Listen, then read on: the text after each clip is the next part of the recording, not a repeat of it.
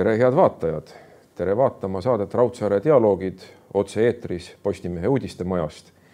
ja nagu ikka, kui me oleme otse-eetris, on võimalik esitada teil, head vaatajad, küsimusi emailil raudsaare.dialoogid at postimees.ee ja mul on väga hea meel tervitada meie tänast saatekülalist, vandeadvokaat Jüri Raidlat, tere. tere päevast. räägime riigireformist, räägime põhiseadusest ja kui me räägime riigist, mulle tuleb kohe kõigepealt meelde kaheksakümne kaheksas aasta, kui mul õnnestus Tartu antikvariaadist osta suurepärane raamat Kudenhov Kalergi Totaalne riik, totaalne inimene, kus oli üks mõte, et riik on nagu masin. võib-olla natuke liialdus, aga et me peame tema eest hoolitsema, nii nagu me ühe masina eest hoolitseme, nagu me auto eest hoolitseme, aga mitte kartma. kui on vaja vastavalt meie vajadustele teda muuta, täiendada, ümber ehitada täitsa nõus, ega riigimasin, kui see terminiga ja selline mõnes mõttes nagu metafoor, ega selles ei ole ju mingisugust nii-öelda definitsiooni demokraatiast või totalitarismist. iga riik selleks, et toimida, tal peab olema oma, oma masinavärk, tegelikult viisakamas, täpsemas keeles on jutt sel juhul käib riigiorganisatsioonist ja veel laiemalt käib jutt tegelikult siis avaliku võimu organisatsioonist, kuhu langevad siis nii riigi keskvalitsus oma asutustega, põhiseaduslikud institutsioonid kui ka kohalikud omavalitsused mm, -hmm. see on see avaliku võimu organisatsioon. mul on väga hea meel teiega vestelda sellepärast, et teie olete olnud üks põhiseaduse sünni juures olnud olulisi inimesi ja kogu läbi selle meie nüüd juba peaaegu kolmekümne aastase taas iseseisvumise aja te olete kõvasti kaasa panustanud selle siis Eesti riigi heas mõttes, Eesti riigi masina äh, funktsioneerimisele. ja viis aastat tagasi, kaks tuhat viisteist oli siis jaanuarikuus Maalehes teie sulest ilmunud kirjutis, kus te rääkisite ka riigireformist ja selline huvitav kümme käsu formaat oli, et kümme käsku, mis tuleks ära teha kümne aasta jooksul. ja praegu me oleme poole peal, osa nendest ettepanekutest ju on ka realiseerunud, näiteks maavalitsuste ja maavanemate kaotamine, neid ju enam ei ole sellisel kujul. aga osa asju ei ole realiseerunud, kuid läheme algusse tagasi, et aasta kaks tuhat viisteist vaatasite Eesti riiki, et tundus, et ta ei ole enam ikkagi päris see, mis ta peaks olema, loomulikult me oleme kogu aeg teda täiendanud. et ei ole olnud sellist hetke, kus me mitte midagi poleks teinud, et aga, aga kaks tuhat viisteist, miks just siis tundus, et nüüd on vaja teha need muudatused ära? no vaadake, ega kümne käsuni jõudmine oli ju pikk protsess ja, ja riigireformiga tegelemine algas mul algusest peale nii-öelda advokaadi igapäevatööst tekkinud ääremärkustest ehk sa, kui sa advokaadina pead läbirääkimisi avaliku võimuga, eraõiguslike isikutega, siis sa näed praktikas tegelikult pidevalt seda, mis on nagu hea ja mis võib-olla ei ole nii hea ja mis on halb. ja kuskilt hakkasid sellest praktikast tekkima ääremärkused, pluss see taust, omaaegne nii-öelda põhiseaduse tegemine ja selle, selle juures ja selle südamikus olemine ja, ja siis tekkis mingil hetkel tõepoolest kuskil selline üks arutelu meil juristide ja, ja ka klientidega, et hea küll, Jüri, sa, sa, sa räägid nendest erinevatest nii-öelda murekohtadest, eks ole, aga, aga kus on süsteem mm? -hmm. ja, ja esimest korda sellise süstematiseeritud esituse riigireformist, tõsi küll, siis ma rääkisin riigi pidamise reformist, esitasin ma tegelikult kahekümne viiendal novembril kaks tuhat üheksa nii et kaks tuhat viisteist, sinna oli veel kuus aastat minna, kui, kui siis tekkis selline süstematiseeritud äh, kümme käsku, see oli loomulikult ajakirjanduslikult välja käidud kümme käsku. Kõlab hästi. ja kõlab hästi, noh, natukene mingit suhet piibliga, aga teie ajakirjanikuna teate väga hästi selleks, et muuta ennast kuuldavaks ja nähtavaks, on ju esmane ülesanne ka mõelda ikkagi oma asjale korralik pealkiri. Ja, ja see pealkiri on sageli see, mis teatavad nii-öelda ideed ja mõtted nii-öelda lennutab sellisele avaliku meedia orbiidile ja siit ka see kümme käsku. no kümme käsku on muidugi imperatiiv mõnes mõttes, et noh, nii peab ja teisiti ei saa. jah, aga imperatiiv on ta tegelikult nii-öelda piibli kontekstis nii-öelda metafoorina, ta ei ole imperatiiv, eriti ei ole ta imperatiiv ju demokraatlikus ühiskonnas, kus on ju päevselge see, et, et ükskõik kes millised mõtted välja pakub, need on nii-öelda debati nii-öelda esemeks ja eesmärk oligi saada tegelikult need asjad debati esemeks, miks? sellepärast just sel hetkel oli see, et, et lähenemas oli tuulelohe konverents mm -hmm. veebruaris ja, ja tuulelohe konverents on ju teatavasti selline seltskond, kus väga-väga-väga äh, laiaulatuslik ettevõtjaskond on koos, ajakirjanikud on, on kohal, poliitikud on kohal ja tegelikult see kümme käsku oli aluseks nüüd ka siis tuulelohe konverentsile.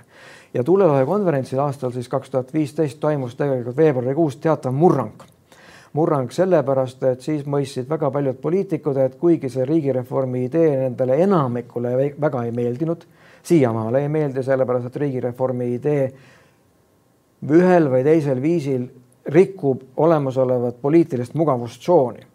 aga, aga kuna see tuulelahe konverents oli, oli, oli üks mastaapne ettevõtmine ja, ja tollased siis valimiseelsed peaministrikandidaadid olid kohal, nendele vaatas otsa sada viiskümmend või kakssada, kakssada silmapaari, kes enam-vähem olid meelestatud riigireformi meelselt ja mis juhtus, oli see, et praktiliselt kõik peaministrikandidaadid teadsid, et nad on selle riigireformi ideoloogiaga nõus. kõige radikaalsem oli Juhan Parts, kes tuli pulti ja teadis, et ta kirjutab need kümme käsku kahe käega alla.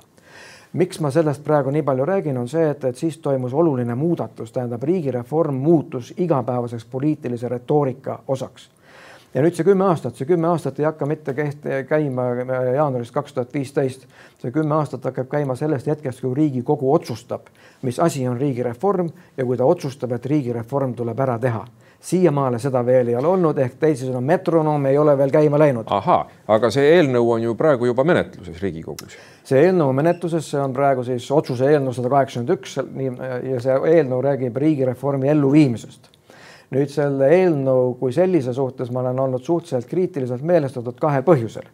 Äh, selles eelnõus ka muide ei ole riigireformi definitsiooni muudatusettepanekute kaudu on ta nüüd välja pakutud. aga ma olen ka rääkinud ja olen ka lugupeetud minister Jaak Aabiga, kellega meil on olnud hea koostöö, küsinud, et, et, et armas minister, kui sina suudad mulle ära seletada seda, kuidas saab ellu viia asja, mis on määratlemata, mis asi see on et siis on ilmselt tekkinud uus filosoofiline koolkond mm. -hmm. ehk, ehk nüüd on ka tegelikult see, mis nagu Riigikogu ees minu arvates nagu ülesanne seisab, on kõigepealt ära otsustada, mis asi see riigireform on. aga mis see on? aga riigireform on avaliku võimuorganisatsiooni kriitiline audit ja selle muutmine, kohandamine vastavalt tänastele vajadustele ja mis kõige tähtsam, vastavalt tulevastele perspektiividele. ega siis veel korra, Eesti põhiseadus on Eesti riiki ja rahvast väga-väga hästi teeninud. Meil ei ole olnud mitte ühtegi põhiseadusega kriisi aga see, mida me peame ette nägema, on tegelikult väga suurel määral tulenev nendest erinevatest inim, inimarengu aruannetest, mille stsenaariumite järgi on võimalikult väga erinevad äh, arengud Eesti. me teame, et meie rahvastik väheneb, maksumaksjate hulk väheneb no,, elanikkond vananeb. absoluutselt äh, vananeb, väheneb ja kahetsusväärsel kombel ka tervislik seisund tervikuna ei ole elanikkonnal mitte nii hea, kui ta oli varem ehk teisisõnu, me peame olema ju valmis isegi selleks stsenaariumiks, mis seal inimõiguse, vabandust, inimarengu aruandes kirjas on see, et, et aastal kaks tuhat ükssada on äkki Eesti elanikkond ainult kaheksasada tuhat. nüüd, kui keegi arvab niimoodi ja ta on vananev, pensionäride hulk proportsionaalselt tõuseb ja kui keegi arvab niimoodi, et samasuguse nii-öelda maksumusega riiki on võimalik pidada ka siis sellise ühiskonna jaoks, siis see on sügav eksitus ehk teisisõnu, riik kurnab ühiskonna välja ja seda me ei tohi lubada. Ja seda on võimalik vältida ainult läbi radikaalse riigireformi. No ma toon jällegi selle masina paralleeli, et kui kellegi sissetulekust enamik kulub liisingmakseks, et ülal pidada ühte autot, millega ta nädalavahetuseti sõidab ja mille eest ta väga palju hoolitseb, muidugi masin läigib ja seda on kena vaadata, siis ilmselt see inimene ei ole eelarve mõttes kõige targemini talitanud no kindlasti mitte ja, ja lõppkokkuvõttes me peame lähtuma sellest, et ega siis eh, ju riik peaks oma eelarve ja, ja perspektiivide kujundamisel käituma sarnaselt nagu üks vastutustundlik perekond peab seda tegema mm. -hmm. ta peab üleval pidama iseennast ja mitte ainult üleval pidama, ta peab andma arenguperspektiivi ja arenguvõimaluse järgnevatele põlvkondadele. see on ikka selle perekonna funktsioon eeskätt, eks ole. kõik järglased peavad suutma elada paremini kui tänane põlvkond ja sellepärast kehtib seesama printsiip ka riigi suhtes. nüüd te olite üks kolmest koos Jüri Kao ja Olari Taaliga, kaasalööjaid oli loomulikult palju rohkem, kes algatasid riigireformi sihtasutuse, mis tuli kokku kahe tuhande kaheksateistkümnendal aastal, tegutses ühe aasta ja, ja nii pidigi olema, et ühe aasta pärast läheb ta laiali, et vältida spekulatsioone, nagu te sooviksite luua uut erakonda või midagi muud säärast ja oma töö viljana te olete teinud sellise kogumiku, mis on ka internetis saadaval ja nähtaval, kus on süsteemselt lahti kirjutatud riigireformi kontseptsioon, mida siis tuleks teha Eesti riigi puhul lihtsamaks, odavamaks, paremaks, aga kui ma olen seda teemat lugenud, ma olen aru saanud, et üks väga keskne teema on ka juhtimise kvaliteet. et juhtimise kvaliteet oleks senisest parem no absoluutselt ja, ja see puudutab tegelikult eh, erinevaid juhtimise tasandeid, eh, nii poliitilist juhtimist valitsuse tasandil kui ka juhtimist ametnike tasandil. olgu märgitud, ma kindlasti teen kiiresti ühe komplimendi. viimase viieteist, kahekümne aastaga on Eesti ametnikkonna nii-öelda keskmine kvaliteet väga-väga palju tõusnud nii et selles mõttes on, on tõepoolest natuke isegi paradoks, kui ühelt poolt, kui ametnikkonna kvaliteet tõuseb, meie IT edulugu ju, ju peaks olema ka piisav. iseenesest see tegelikult peaks ju tooma kaasa mitte eesmärgina, vaid kaasa produktina ametnikkonna vähenemise mm.. seda ei ole praegu toimunud, aga see ei ole põhiküsimus. see on üks teie ettepanek muidugi. ettepanek, ettepanek, vähendada viisteist protsenti keskvalitsuse ja omavalitsuste ametnikkonda. just, see oli, see oli siis, kui oli see kümne käsu jutt veel, eks ole, hiljem me oleme jõudnud tegelikult äh, märksa isegi radikaalsemate ettepanekutele sihtasutuse kaudu. sihtasutuse puhul me nägime tegelikult ette nii-öelda pikas perspektiivis jälle selle kümne aasta perspektiivis viiekümne protsendilist vähenemist, eks ole aga nüüd ma tahaksin kindlasti tulla poliitilise juhtimise kvaliteedi juurde, sest ikkagi lõppkokkuvõttes Vabariigi Valitsus on ju see, kes väga-väga suures ulatuses Eesti riigi arengut ikkagi kujundab, määrab ja mm -hmm. ja, ja ka seda, seda nägu kujundab. ja, ja siin on ju niimoodi, et kui, kui era, erakondade tippjuhtideks kandideerimisel on teatavad kvalifikatsiooninõuded, mis ei ole küll kirjas, kuid mis on tegelikult ajudes olemas inimestel, eks ole ettevõtte tippjuhiks sa saad ainult sel juhul, kui sa oled ikka väga-väga põhjaliku kadalippu läbi käinud. ministriks on Eestis ikka tegelikult väga-väga lihtne saada. me ei saa põhiseaduse järgi, kuna me ei taha põhiseadust liiga palju muuta, absoluutselt kindlalt mitte. praegused tasakaalumehhanismid põhiseaduses töötavad väga hästi, siis järelikult me peame otsima tegelikult retsepte, mille kaudu nii-öelda ministrite kvalifikatsiooni tõsta ilma põhiseadust muutmata ja see retsept on täiesti olemas. mina olen sügavalt veendunud iseenda näite puhul et, et mina ei taha avalikkuse ees esineda küsimustega, mida ma enda arvates ka piisavalt hästi ei tunne. me teame, et Saksamaal peavad olema doktorikraadiga inimesed valitsuses. no veel üksikud ministrid ainult, aga kõik ei pea muidugi. nüüd, nüüd on niimoodi, et mis on üks motiiv? normaalne inimene ei taha olla avalikult teatavas valdkonnas rumal see on tegelikult motiiv, et sa tahad alati olla ju, ju oma valdkonda tundev inimene. järelikult tuleks sisse viia ministrikandidaatide kohustuslik ärakuulamine äh, Riigikogus. Riigikogu ei hääleta sest seda ei ole võimalik teha, aga ärakuulamine. me näeme sellist asja Europarlamendis volinike puhul. just nimelt, me näeme Europarlamendis, tõsi küll, Europarlamendis on võimalik ka volinikukandidaati vetostada. on võimalik. niimoodi, Eestis ma ei räägi nii-öelda ministrikandidaadi vetostamisest, ma räägin sellest, et minister tuleb ära kuulata, kaamerad peavad olema peal sellel ärakuulamisel, Riigikogu liikmed saavad kõiki küsimusi esitada ja siis selgub kas ministrikandidaat oma valdkonna jaoks, ma rõhutan oma valdkonna jaoks, see ei tähenda seda, et ministrikandidaadid tervikuna peaksid olema ebapädevad, aga oma valdkonna jaoks on piisavalt pädev või mitte. tähendab, see kandidaat peab sellest ise aru saama, kas ta on pädev või mitte, kui ise aru ei saa, peab sellest erakond aru saama. ja kui erakond aru ei saa, no siis ei ole parata, siis tuleb filosoof Heegeli poole pöörduda ja öelda niimoodi, et iga rahvas väärib oma valitsust. Nii, aga kui ikkagi see toimub Riigikogu ees ja Riigikogul võib olla võimalus ju siis mitte valida, mitte kinnitada no, seda kandidaati. meil ei ole praegu ministrikandidaate ju ei kinnita Riigikogu. Riigikogu kinnitab ainult peaministrikandidaadi. see on tõsi. ja, ja peaminister esitab valitsuse koosseisu siis pärast mandaadi saamist vabariigi presidendile. kui ma toon jälle väikese võrdluse Europarlamendiga, ega seal ka ju, kui kuulatakse kandidaate, lõppkokkuvõttes antakse hinnang sellele tervikuna ma olen aru saanud. jah, aga Europarlamendis on võimalik ka konkreetsele ministrile, kandidaadile või voliniku kandidaadile anda veto Eestis seda ei ole.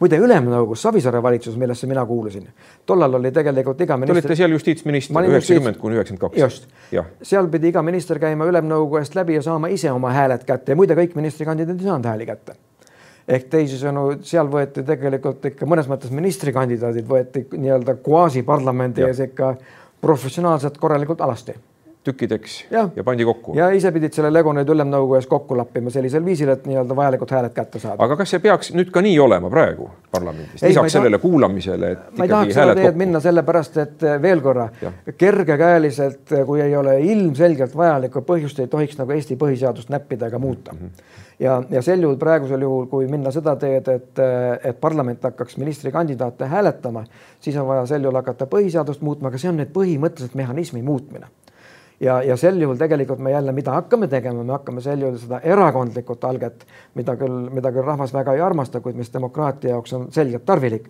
me hakkame erakondlikut alget siis jälle liiga palju tagasi tõmbama, seda ei ole ka tarvis. praegune süsteem on väga hea, julgen ma öelda, aga sinna tuleb juurde panna nii-öelda avalik ärakuulamine ja seda on võimalik teha isegi tegelikult, tegelikult ei ole vaja isegi seadust muuta selleks, selleks on vaja muuta poliitilist kultuuri. Aga kuna poliitiline kultuur ei kipu meil ise muutuma, siis tuleb nii-öelda Vabariigi Valitsuse seadusesse vastavad sätted sisse viia. aga kuidas nüüd kultuuri muuta seaduse sätetega, see nüüd on keeruline küsimus minu jaoks. ei ole absoluutselt tähendab, seaduse sätted alati muudavad poliitilist kultuuri, kas siis paremaks või halvemaks, aga kuna ta toob kaasa äh, teatava õigusliku ja poliitilise praktika, siis poliitiline praktika on alati poliitilise kultuuri komponent. see on tõsi. see on tõsi ja nüüd, kui me läheme korraks tagasi nende teie poolt kahe tuhande viieteistkümnendal aastal välja käidud riigireformi kümne käsu juurde, siis üks neist kõlas, et Riigikogu tuleks vabastada rahvahääletuse riskist me praegu räägime hästi palju ka rahvahääletuse teemadel, aga mida toonases kontekstis te mõtlesite selle all? Äh, mõtlesin täpselt seda, mida mõtlen ka täna ja, ja, ja mõtlesin seda, mida praegu mõtlevad üllatuslikult väga paljud poliitilised jõud samamoodi Eestis. jutt käib tegelikult praegu põhiseaduse paragrahv sada viis lõige neli muutmisest või tühistamisest. põhiga, põhiseaduse paragrahv sada viis lõige neli ütleb täna seda, kui Riigikogu paneb rahvahääletusele seaduseelnõu, mitte otsuse eelnõu mitte nii-öelda olulise riikliku küsimuse, vaid seaduseelnõu ja rahvas lükkab selle rahvahääletuse tagasi, siis automaatselt on Vabariigi President kohustatud Riigikogu laiali saatma mm. -hmm. nüüd mõelgem selles olukorras tegelikult ka, ka, ka poliitikuid ei tohi panna seadusega mõnes mõttes nagu poliitilise enesetapu olukorda, eks ole, et kui sul on tõepoolest nagu risk et rahvale nii-öelda hääletusõiguse andmine konkreetses seaduseelnõu küsimuses võib väga reaalselt kaasa tuua sinu nii-öelda laialisaatmise, siis ju tegelikult sa ju väldid seda, noh, see on ju inimlik. see on väga inimlik. sa, sa väldid seda, eks ole. ja, ja selle, selle, selle ühe ettepaneku mõte oligi see, et, et see paragrahv tegelikult põhiseadust ära tühistada. täna on see ettepanek kirjas muide koalitsioonilepingus see ettepanek on kirjas sotsiaaldemokraatide valimisprogrammis aastaks kaks tuhat üheksateist Riigikogu valimisteks selle ettepaneku on teinud põhiseaduse asjatundjate kogu materjalide põhjal endine justiitsminister, tänane välisminister Urmas Reinsalu. selle ettepanekul on praegu olemas tegelikult väga laialdane toetuspind. tundub, et kriitiline mass on koos et see ellu viia. ja seetõttu ma ei mõistagi, miks näiteks seda konkreetset ettepanekut või seda konkreetset sätet ei olnud Vabariigi Valitsuse poolt Riigikogule esitatud äh, riigi selle selle riigireformi elluviimise otsuse eelnõus, mida ei ole, seda ei ole. minu meelest ka esimese lugemise käigus sellist parandusettepanekut ei tehtud. nüüd see ettepanek on tehtud. aga nüüd on tehtud? ja see ettepanek on praegu tehtud, selle ettepaneku esitas Isamaa liige Andres Metsoja. kas see on ka sisse läinud eelnõusse? ei, sellepärast et põhiseaduskomisjon ei ole neid muudatusettepanekuid veel arutanud. Neid muudatusettepanekuid on tegelikult äh, suur hulk. -hmm. Neid esitas äh, Isamaasse kuuluv äh, Viktoria Ladõnskaja-Kubits circa nelikümmend seitse tükki Äh, Andres Metsoja samuti Isamaast esitas circa kuskil viisteist ettepanekut. Äh, Karilaid EKRE, vabandust, Keskerakonnast ja Espenberg äh, EKRE-st esitasid kolm-neli ettepanekut, mis puudutab presidendi valimise süsteemi. nii et tegelikult on massiivne hulk üsna detailseid ettepanekuid praegu põhiseaduskomisjonil laua peal. parandage mind, kui ma eksin, aga mulle tundub, et nende ettepanekute sisu on väga suuresti kattuv selle teie veetud eh, riigireformi sihtasutuse ettepanekutega? on küll, nende, nende ettepanekute lugemine kodulehekülje pealt, mis praegu on põhiseaduskomisjoni kodulehekülje peal ja võrdlemine nende tekstidega, mis on selles, selles raamatukeses kirjas, viib ju, ju ilmselgelt järeldusele, et, et ühisosa nendes ettepanekutes on väga-väga-väga suur ja ega siin mitte midagi imelikku ega kummalist ka ei ole, sellepärast veel kord seesama raamat koos oma ettepanekutega on avalik dokument. see on muide üle antud ka kõikidele Riigikogu erakondadele. Ma, ma saan veel juurde lisada ka selle, et, et neljandal märtsil kaks tuhat üheksateist siis kui olid valimistulemused selgunud, ma saatsin siis Riigikogule ka tollase Riigireformi Sihtasutuse nõukogu esimehena nii-öelda teatava dokumendi, mida ma nimetasin eelnõu kavandiks, Riigikogu otsuse eelnõu kavandiks, mis siis, mis siis reflekteeris mm -hmm. neid ettepanekuid, mis on kirjas, kirjas selles raamatus mm. -hmm. Me natuke rääkisime juba põhiseadusest praegu, põhiseaduse muutmisest ühes konkreetses võimalikus punktis, mis puudutab rahvahääletusi. aga tulles jällegi korraks tagasi teie kümne käsu juurde aastast kaks tuhat viisteist, Maaleht jaanuar eh, on juttu põhiseaduse vigade parandamisest ja äsja me rääkisime, et üldjoontes me oleme põhiseadusega rahul, põhiseadus on hästi meid teeninud ja ma sain aru ka, et niisuguseid vormilisi muudatusi te ei tahaks seal teha, aga mis need mõned asjad veel on, mida te näete möödapääsmatuna, et tuleks põhiseaduses muuta? no põhiseaduses ikkagi veel korra ei ole praegu selliseid vigu, mis äh, takistaks Eesti riigi ja ühiskonna toimimist. aga, aga mis on minu arvates ka vajalik teha, mida meie, mida sihtasutuse ettepanekutes ei ole, teadlikult ei ole, ma kohe põhjendan, miks neid ei ole on, on nõndanimetatud äh, noh, vigade parandused ja, ja vead, neid ei ole palju minu arusaamise järgi. Nad jagunevad kahte gruppi, osa vigasid on sellised, mis läksid sisse põhiseaduse tegemise aegu ja see on koht, kus ma pean ka endale tuhka pähe raputama. kuivõrd ma olin äh, Põhiseaduse Assamblee juures ekspertkomisjoni juht, äh, siis tõenäoliselt oleks pidanud ette nägema selliseid vigu. üks tüüpiline näide, mida ma siin tahan tuua, on see et, et kui on, kui õiguskantsler näeb, et mingisuguses õigustloovas aktis, olgu siis tegemist Riigikoguga või, või kohaliku omavalitsuse volikoguga, et kui seal on, kui see, kui see ei ole vastav põhiseadusele või seadustele, siis ta teeb ettepaneku viia selline akt põhiseaduse või seadustega kooskõlla ning see peaks toimuma kahekümne päeva jooksul tollal me olime mõnes mõttes eufoorias, me olime kõik veendunud selles ja me jagasime Lennart Meri seisukohta, eks ole, Eesti riik töötab kakskümmend neli seitse, kolmsada kuuskümmend viis. asi on selles, et ja see ei ole mitte nüüd Lennart Meri süü, et, et, et meil selline säte seal sees on, kaugel sellest, ma tõin lihtsalt metafoori praegu. aga mida me tookord nagu ei arvestanud, on see, et teatavates protsessides ei ole protsesside aeglus mitte puudus, vaid on tegelikult voorus ehk teisisõnu teatavaid protseduurireegleid ei tohi rikkuda, ei tohi ületada. ei tohi kiirustada. ei tohi kiirustada ja nüüd see ettepanek, et tehke parlamendis kahekümne päevaga asi korda, põhimõtteliselt ei ole võimalik, see oleks tegelikult vaja nii-öelda põhiseaduses ära muuta teine näide on, on. aga mis see aeg võiks olla, mõistlik, optimaalne menetlemise aeg? vot ega ma ei olegi praegu enda jaoks seda läbi mõtelnud, aga ma arvan, et kindlasti mitte vähem kui kolm kuud juba ainuüksi sellepärast, et on parlamendil suvepuhkus näiteks mm. -hmm. noh, eeldada seda, et nüüd selle küsimuse lahendamiseks oleks vaja teha erakorraline istung, oleks natukene, natukene ebakorrektne.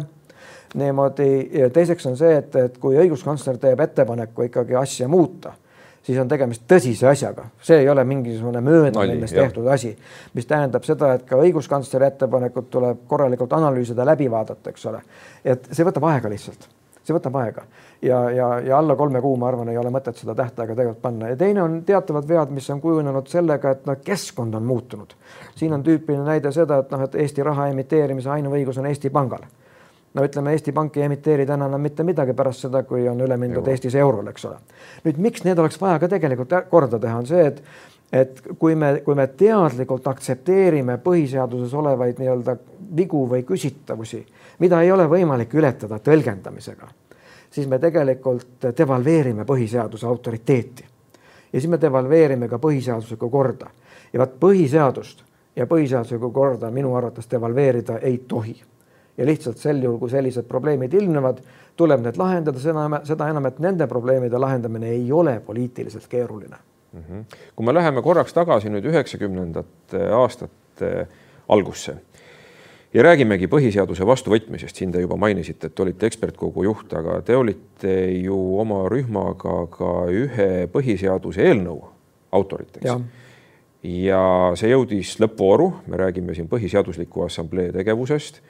kolmandas voorus oli kaks eelnõud, teie eelnõu ja Adamsi eelnõu ja teie eelnõu paraku ei võitnud, aga te olete ise öelnud hiljem nii, ma tsiteerin, tol hetkel oli kaotus töögrupile suur pettumus, kuid Eesti õigusajalugu ning poliitilise ajaloo seisukohast hea, et nii läks.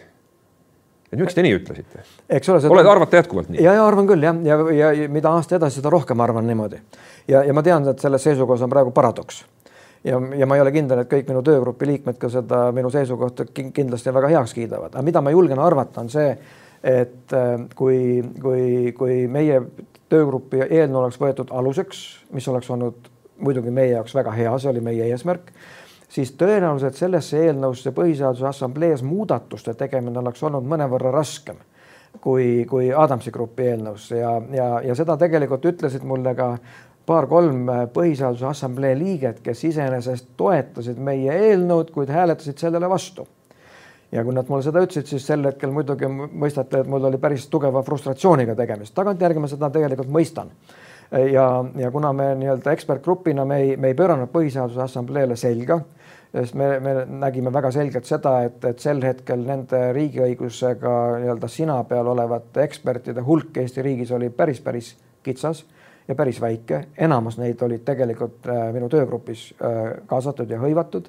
Et sel juhul me tegelikult sellise nii-öelda kodumaise riigiõigusliku ekspertiisi oleksime viinud Põhiseaduse Assambleest ära suures ulatuses ja see tundus meile ausalt öeldes sel juhul juba vastutustundetu käitumisena.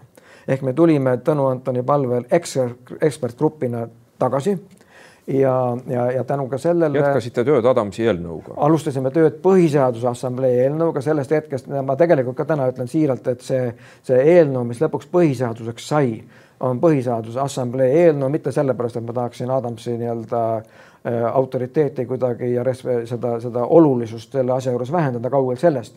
aga need muudatused, mis tegelikult Põhiseaduse Assamblees eelnõusse sisse viidi, need olid massiivsed no ütleme niimoodi, et no müts maha tänase riigikohtuniku Jüri Põllu ees, et põhiseaduse teine peatükk, mis on ju tegelikult, olgem ausad, kõige tähtsam peatükk, see on põhiõigused.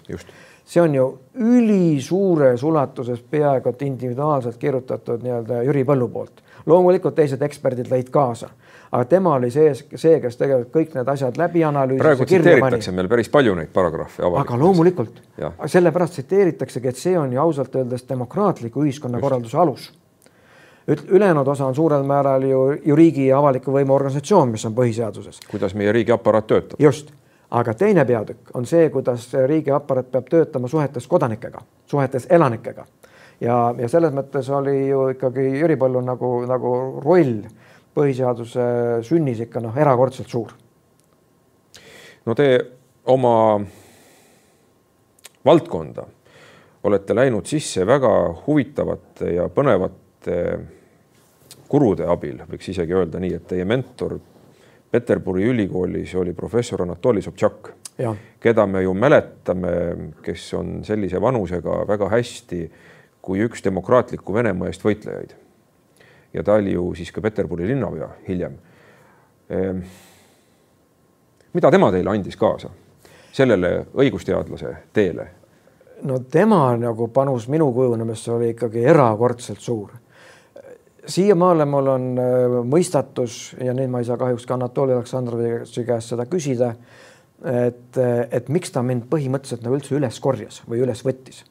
ma ju sattusin sellisesse olukorda, kus ma tegin kandidaaditööd, mis oli suurema tsiviilõigus, suurema allikaga tekitatud kahju hüvitamine ehk liiklusavariidest mm. -hmm. niimoodi ja, ja kui mul oli esimene versioon tööst valmis, siis kahjuks minu juhendaja Tartus professor Endel Laasik suri ja, ja siis äh, üks teine Tartu Ülikooli õppejõud, dotsent Endel Ploom, teadis lihtsalt Anatoli Sobtšaki varasemast elust, kuna nad olid tollasest Leningradi ülikoolis varem koos õppinud. lihtsalt ühel päeval viis mind käekõrval Sobtšaki juurde ja ütles niimoodi, et Anatoli, siin on üks õnnetu kolhoosnik, ma olin tollal, tollal kolhoosi jurist ja jälle siin on üks, üks, üks õnnetu kolhoosi jurist tegi oma kandidaaditöö nii-öelda esimese versiooni valmis ja nüüd tal enam juhendajat ei ole, ta peab tulema ju Leningradi kaitsmas, Eestis sellel kaitsmisnõukogu ei olnud mm. -hmm et eh, kas sa oleksid nüüd valmis seda, seda noorhärrat siin juhendama? ja, ja, ja Sobtšak, siiamaale ma ei tea, miks talle, Sobtšakil oli muide omane teata, me saime Anatoliga muide pärast väga headeks sõpradeks ja ta käis mul Eestis korduvalt külas, aitas mul seal maal isa kodus heina teha, igasugust asja. ka kartuleid vajadusel. absoluutselt, absoluutselt ja, ja siis ma sain aru tegelikult, et tal oli nagu selline äh, võib-olla, et see minu maa lähedus oli midagi sellist, mis teda nagu praegu nagu juhul köitis, ma olin tema jaoks nagu selles mõttes nagu üks nagu, nagu, nagu, nagu üks imelik eksemplar sõna otseses mõttes, eks ole, et, et keegi, keegi kutt tuli maalt, tahab kandidaati hakata Leningradis kaitsma. ja, ja, ja edasi muidugi ta, ta läks ju poliitikasse, eks ole, temast kujunes väga selgelt demokraatide juht koos Jeltsiniga, kindlasti oli ta Jeltsinist palju demokraatlikum veel ta oli erakordselt suurepärane oraator, see on muide Eestis ju, ju, ju teadmata fakt, ta käis kaks-kolm korda tegelikult abiks ka imeprogrammi tegemas äh, minu kutsel, kus ta siis aitas tegelikult teatavaid küsimusi nii-öelda lahti mõtestada. ehk ta tõepoolest oma sellise karismaatilisuse ja, ja, ja tohutult heade juriidiliste teadmistega, noh, ta sõna otseses mõttes võlus ja ta loomulikult kujundas mind nii et äh, ma olen temale nagu erakordselt tänulik. Äh, ma arvan, et tänu temale väga paljud asjad minu järgmises nii-öelda elus või karjääris ausalt öeldes juhtusidki nii, nagu nad juhtusid. me saame öelda, et ta oli Eesti sõber. ta oli Eesti sõber kindlasti. tal olid aeg-ajalt ka, ka Eesti suunas kriitilised märkused pärast nii-öelda Eesti taasiseseisvumist, enne seda ausalt öeldes ma ei mäleta ühtegi. pärast seda tal olid teatavad kriitilised märkused, aga Eesti sõdur, Eesti sõdur, Eesti sõber oli ta kohe päris kindlasti ja muide tema, tema sõbra toetusavaldus ikkagi väga selgelt ka mälestusväärsetel augusti putšipäevadel äh, üheksakümmend üks Äh, kus mul õnnestus ka temaga, temaga ühendust saada ja teatavates nii-öelda episoodides oli tema toetus tegelikult sel ajal ikkagi ausalt öeldes Eestile ja meie valitsusele päris, päris tähtis. võib-olla mõni episood põgusalt oleks huvitav meenutada no,? no üks episood oli kasvõi selline, kus, kus me ju teadsime seda, kuulsime, et, et, et mõned väeosad, väeosad on hakanud ka, ka Peterburi poolt äh, Eesti poole liikuma ja Sobtšaki asetäitja äh, tollases Peterburi nõukogus oli üks, üks eruadmiral. ja siis, siis Sobtšaki ülesandele palvel eru, eruadmiral tõmbas mundri selga. Ja läks kohtuma, kellega vaja. ja ütleme niimoodi, et need väeosad ka edasi ei liikunud ma saan aru, et meil on tulnud ka nüüd eh, vaatajate küsimused. Eh, meilile on siin välja trükitud ja on toodud eh, meile stuudiosse, nii et kohe.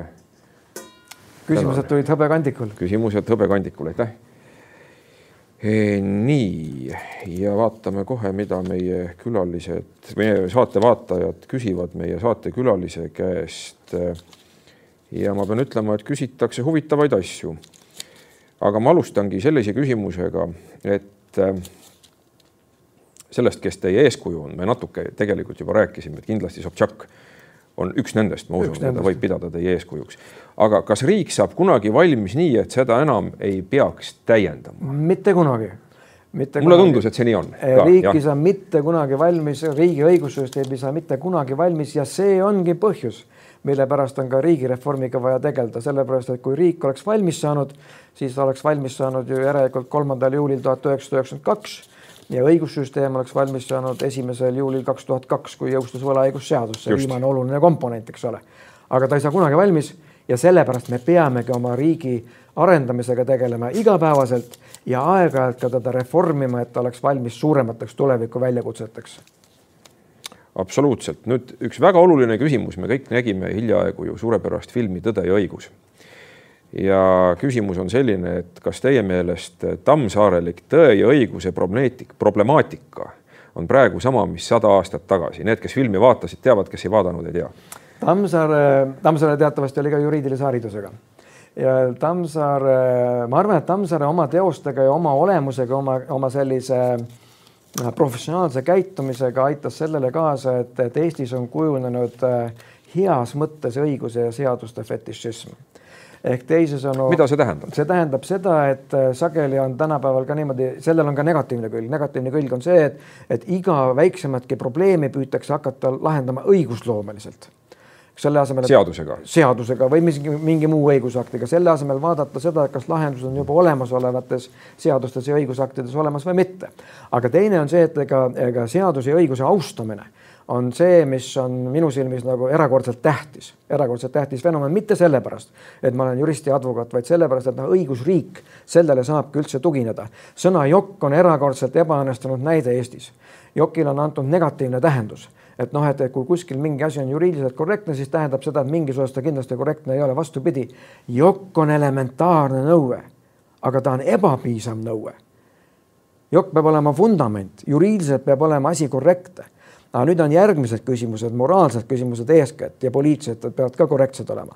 ehk mida ma tulles tagasi, on selle juurde, ma arvan, et, et Tammsaare suutis luua nii tugeva nii-öelda õigusliku komponendi Eesti inimeste mõtlemisse ja ühiskondlikusse psühholoogiasse, et üheksakümnendatel aastatel toimus riigi pööramine ka õiguslikult korrektsete meetoditega. ja nii oli ju nii, nii oli. nii oli ju, tegelikult oli ju niimoodi, et Eesti ja, ja enam-vähem ka Balti riigid seda järgnesid, teised tollased Nõukogude Liidu vabariigid nii palju mitte. me ju pidasime seaduste sõda Nõukogude Liiduga.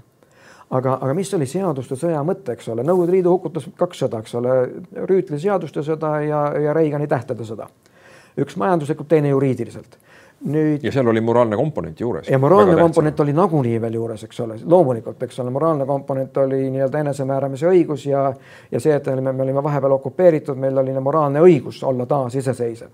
aga, aga mis see seaduse sõda meile andis? ta andis selle, et esiteks oli väga raske Eesti vastu jõudu kasutada. Ja teiseks oli väga raske läänel meid mitte toetada, ärme unustame seda, et üheksakümnendate aastate alguses oli läänes põhimantra tehke kõik poisid ja tüdrukud, mis te siin Baltikumis tahate, ärge Gorbatšovi paati kõigutage. ja meie vastasime, aga me võtsime parlamendis seaduse vastu. Te teete seda ju sama. et kui see on nüüd Gorbatšovi paadi kõigutamine, siis andke andeks, te olete eksinud seal kaugel Ameerikas või kaugel Saksamaal, eks ole.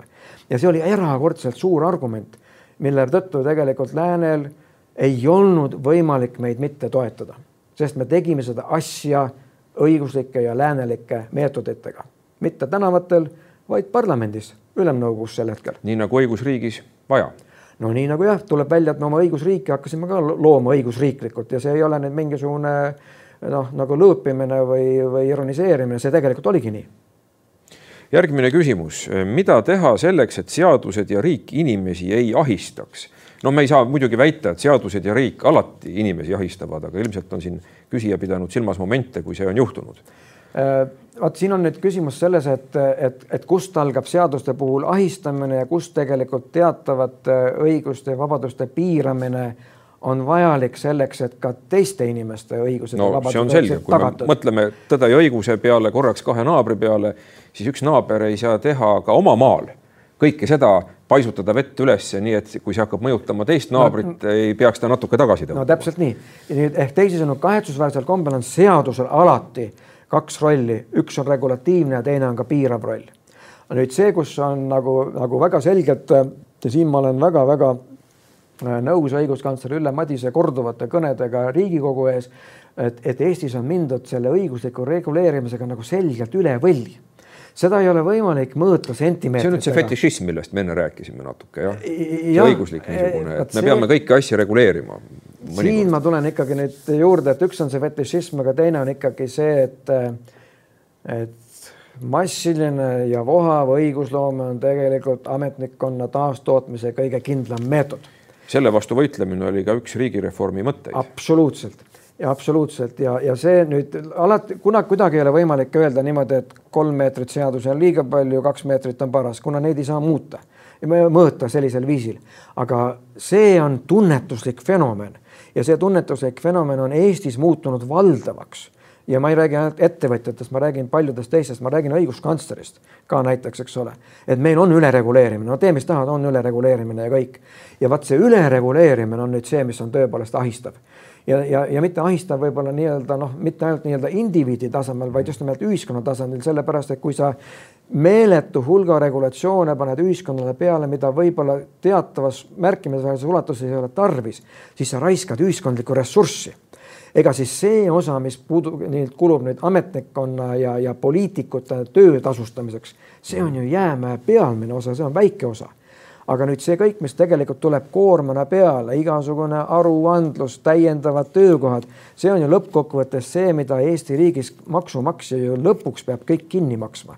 ega noh, hea küll, Euroopa Liidust tuleb praegu teatav hulk raha, eks ole, ja, ja, ja pankadelt tuleb teatav hulk raha, aga, aga see päeva lõpus on ju kõik maksumaksja koormus ja seda maksumaksja koormust on vaja kindlalt vähendada ja siin on muide huvitav asi jälle ma pean komplimendi tegema sotsiaaldemokraatidele selle eest, et nad oma valimisprogrammi panid kindlasti väga olulise punkti sisse, vähendada nelja aasta jooksul kakskümmend viis protsenti halduskoormust, mis langeb kokku muide Riigireformi Sihtasutuse ettepanekuga. kriitiline on sotside puhul see, et, et kui selline ettepanek on nende enda valimisprogrammis sees, mispärast nad siis samasugust ettepanekut praegu Riigikogu menetluses olevale olevale eelnõule no nad veel jõuavad, teine lugemine tuleb. ei jõua, sellepärast et tähtaeg on möödas, aga Andres Metsoja päästis olukorra ära, sest tema ettepanekutes on see kirjas. vabandust, see on Ladõnskaja ettepanekutes kirjas. nii et see on olemas. ehk, ehk kuhu ma tahan välja jõuda, on see, et, et Hollandi kogemus on olemas, kus püstitati ka ülesanne kakskümmend viis protsenti vähendada ja Holland suutis välja töötada sellise metodoloogia mm, -hmm. mille alusel see, see eesmärgi saavutamine on mõõdetav ja suutis välja töötada ka metodoloogia, mille alusel eesmärgi tulemuse kindlaks tegemine oli fikseeritav ja mitte ainult Holland ise, vaid nad andsid ka selle metodoloogia ja tulemuse Maailmapangale auditeerimiseks. ja Maailmapanga audit ütles, Holland, teil on õigus. ja mis on Holland? Holland on tänapäeval praegu Euroopa telavaar, mis tähendab seda, et kõige sellise eesrindlikuma, paindlikuma ja kõige parema ettevõtluse õigusliku keskkonnaga riik. Ehk me peame sinna samamoodi välja jõudma ja see ettepanek on praegu Riigikogu laua peal.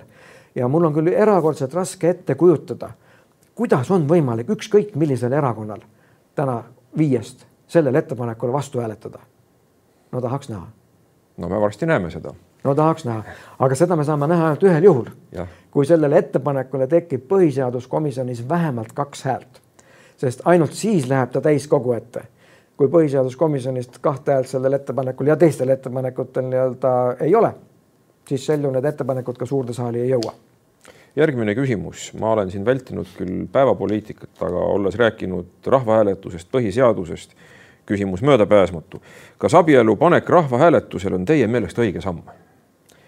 Vot see on nüüd äh, selline küsimus, millele vastamine on keeruline mitte sellepärast, et ma sellele pelgaksin vastata, vaid sellepärast, et ma tahaks kõigepealt näha, mis see asi on, mis rahvahääletusele pannakse. ega me seda ei tea veel. mis see küsimus on? me ei tea küsimust. no vot, me ei tea küsimust ja me ei tea seda, kas ta on siis äh, Äh, nüüd riigielu oluline küsimus, kas tahetakse panna seaduseelnõu, tõenäoliselt on riigielu oluline küsimus, eks ole. Nüüd see on nüüd äh, selline asi, mis tegelikult algas peale ju kooseluseadusest, ma arvan, et kooseluseaduse vastuvõtmine oli, oli liiga kiire. ta oli ühiskonnas läbi arutamata. nüüd äh, Riina Solman, tänane minister, on kord välja öelnud seda, et, et see tegelikult tekitas suure lõhe ühiskonda sel hetkel, mis ilmselt oligi niimoodi nüüd äh, ma arvan seda, et, et seda abielu küsimust äh, on, on võimalik rahvahääletusele panna küll, sellepärast et seda abielu küsimus on praegusel juhul ju reguleeritud täpselt sellisel kujul perekonnaseaduse, vist on see paragrahv üks või on see paragrahv kaks, ma paragrahvi numbrit ei mäleta. ehk tegelikult püütakse ju sel juhul sellele olemasolevale regulatsioonile nii-öelda kinnitust üle saada ja järelikult, kui, kui öelda seda, et nüüd olemasolevale regulatsioonile kinnitust ei tohiks saada, siis tuleks öelda niimoodi, et olemas regulatsioon on siis mis asi põhiseadusvastane ja, ja, ja siis vähemusi ahistav. no siiamaale pole seda teesi veel keegi nagu Eestis püstitanud. aga, aga loomulikult on, on sellistes küsimustes rahvahääletuse korraldamine delikaatne, selles mõttes ma olen nõus. ma ei ole küll nii radikaalsel seisukohal nagu sihtasutusest hea kolleeg Rait Maruste oma viimases artiklis oli, aga delikaatne see küsimus on. nüüd öelda nüüd tervikuna seda, et noh, et, et rahvahääletused kui sellised on, on ühiskonda lõhestavad äh, nähtused, siis sellega ma põhimõtteliselt ei ole nõus äh,. rahvahääletusel on meil praegu kahjuks väga vähe praktikat Eestis. kaks korda vist on ta no, toimunud. võib-olla siis ka kolm, eks ole. mis see kolmas no põhiseaduse enda vastuvõtmine ka. tõsi, tõsi. jah ja., nüüd äh, äh, aga, aga see on ka kõik. ma ei ole mitte seda meelt, et me peaksime hakkama teise serva minema, nagu on Šveits kus on, eks ole, mitmesaja aastane kogemus ja kus tõepoolest enamus olulisi küsimusi rahvahääletusel ka nii-öelda otsustatakse. aga noh, see on ka selge, et kolm on selles mõttes liiga vähe. no Šveitsi riik on organiseeritud kogukondade põhjal ka väga selgelt. vaadake, Šveitsi riik on ju praegu veel põhiseaduse järgi on confederation, isegi põhi, põhi, põhiseaduse pealkirjas on see see, et ta ei ole ammu enam confederation selles mõttes, ta on tegelikult föderatsioon ikka päris selgelt juba tänaseks välja kujunenud. aga ta on suurel määral nii-öelda tuginev otsedemokraatiale ja, ja minu seisukoht on ka väga selge siin, et otsedemokraatia Eestis ei tohi mitte mingil juhul olla suunatud esindusdemokraatia asendamisele, mitte mingil juhul, küll aga täiendamisele. ja siin on hoopis keerulisem teema on praegu meil tulemas laua peale on rahvaalgatuse küsimus. mis asi on rahvaalgatus, see on jälle meil praegu defineerimata, sellepärast kõik räägivad nagu asjast, mida nad ei ole praegu nagu kokku leppinud, eks ole aga, aga rahvaalgatus on ju tegelikult selline instrument, mis oli kahekümnenda aasta põhiseaduses, mille sajandat aastapäeva me just praegu nagu ju, ju tähistasime, ilusasti olemas. ja sel juhul, kui, kui rahvaalgatus uuesti konstitueerida, siis võiks ta olla loomulikult sarnane kahekümnenda aasta põhiseadusel, pluss juurde tuleks tuua Riigikohtu eelkontroll rahvaalgatuse korras algatatava küsimuse suhtes. ma kindlasti rõhutan seda, et riigireformi sihtasutuse ettepanekute hulgas rahvaalgatust riigi tasandil ei olnud. ja seda geopoliitiliste murede tõttu. kuna, kuna ma, me pelgame seda, pelgasime seda ja jätkuvalt ma pelgan seda, et rahvaalgatust on võimalik geopoliitiliselt tegelikult ära kasutada ja pärast võib siis idanaaber ütelda niimoodi, et ei, sõbrad, mille üle te siin praegu protestite, kõik toimus ju teie enda seaduste alusel ja see on põhjus, mille pärast rahvaalgatuse suhtes ma olen olnud skeptik, kuigi praeguses koalitsioonilepingus on rahvaalgatuse konstitueerimine sees nõnda, aga vaatame siis, kuhu Riigikogus lähevad need arutelud. väga sümpaatne on ju siis see arusaam, et meie riik peab olema võimalikult lihtne ja inimesele, kodanikule lähedal seisev, et selle eest olete seisnud, selle eest käib ka praegu Riigikogus arutelu. vaatame, kuhu see jõuab. palju tänu selle põneva märkus veel, jah? ma tahan ühe veel juurde lisada, eh, enne kui ma tänan teid selle võimaluse eest, ma sain siia saatesse tulla. me ka sihtasutuses tükk aega mõtlesime, mis see teine märksõna peaks olema kodanikule, inimesele, keskne ja nii edasi, edasi. me tahtsime näha ka, et Eesti riik oleks ergas. kõlab hästi. See tähendab seda, et võimeline pidevalt dünaamiliselt reageerima keskkonnamuutustele, mitte ainult retrospektiivselt, vaid ka perspektiivselt neid mõjutama no meenutades Lennart Merd, Eesti riik ei tohi magada. absoluutselt. olema ergas. oleme ergas. tänan väga, Jüri Raidla, selle huvitava vestluse eest. niisugune oli tänane Raudsaare dialoogide saade. kohtumiseni nädala pärast uue külalisega siin stuudios, kõike head teile